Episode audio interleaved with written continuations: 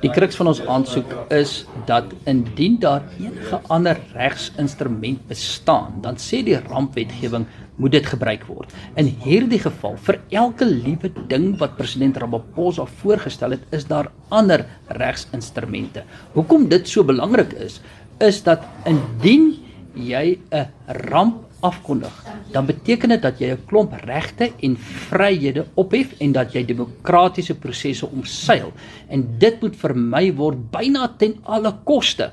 En daarom sê die rampwetgewing, indien daar ander instrumente is, dan moet jy dit gebruik en daar is voldoende ander instrumente.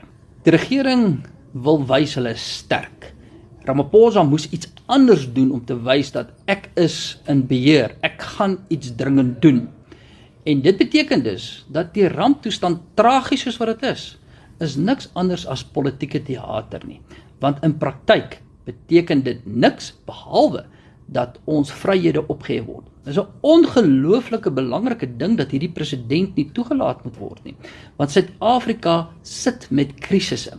En indien jy elke keer 'n ramp aankondig vir elke krisis, dan beteken dit dat ons gaan 'n toekoms in van 'n rampdemokrasie sonder 'n klomp regte.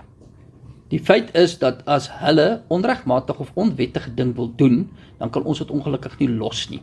Indien hulle presidente wil skep wat vir hulle magte gee wat hulle nie toekom nie, dan is dit presies nou die tyd vir 'n hofsaak.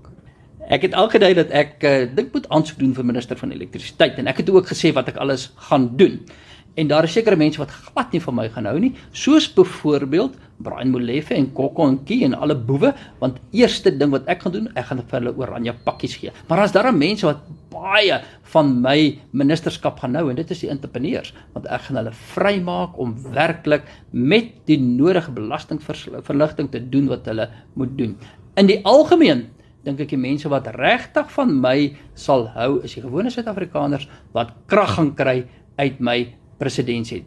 Laaste klompie wat nie van my gehou nie, is die klompie elite wat hulle self verryk deur swart bemagtiging, want ek gaan Eskom vrystel van enige swart bemagtiging. Maar die belangrike ding is, as ek dit alles gedoen het, dan gaan ek bedank want ek glo aan minder regering en meer privaat en ek wil eintlik voorstel dat Ramaphosa aan die hele ou spul dieselfde doen dan as ek. Bedank.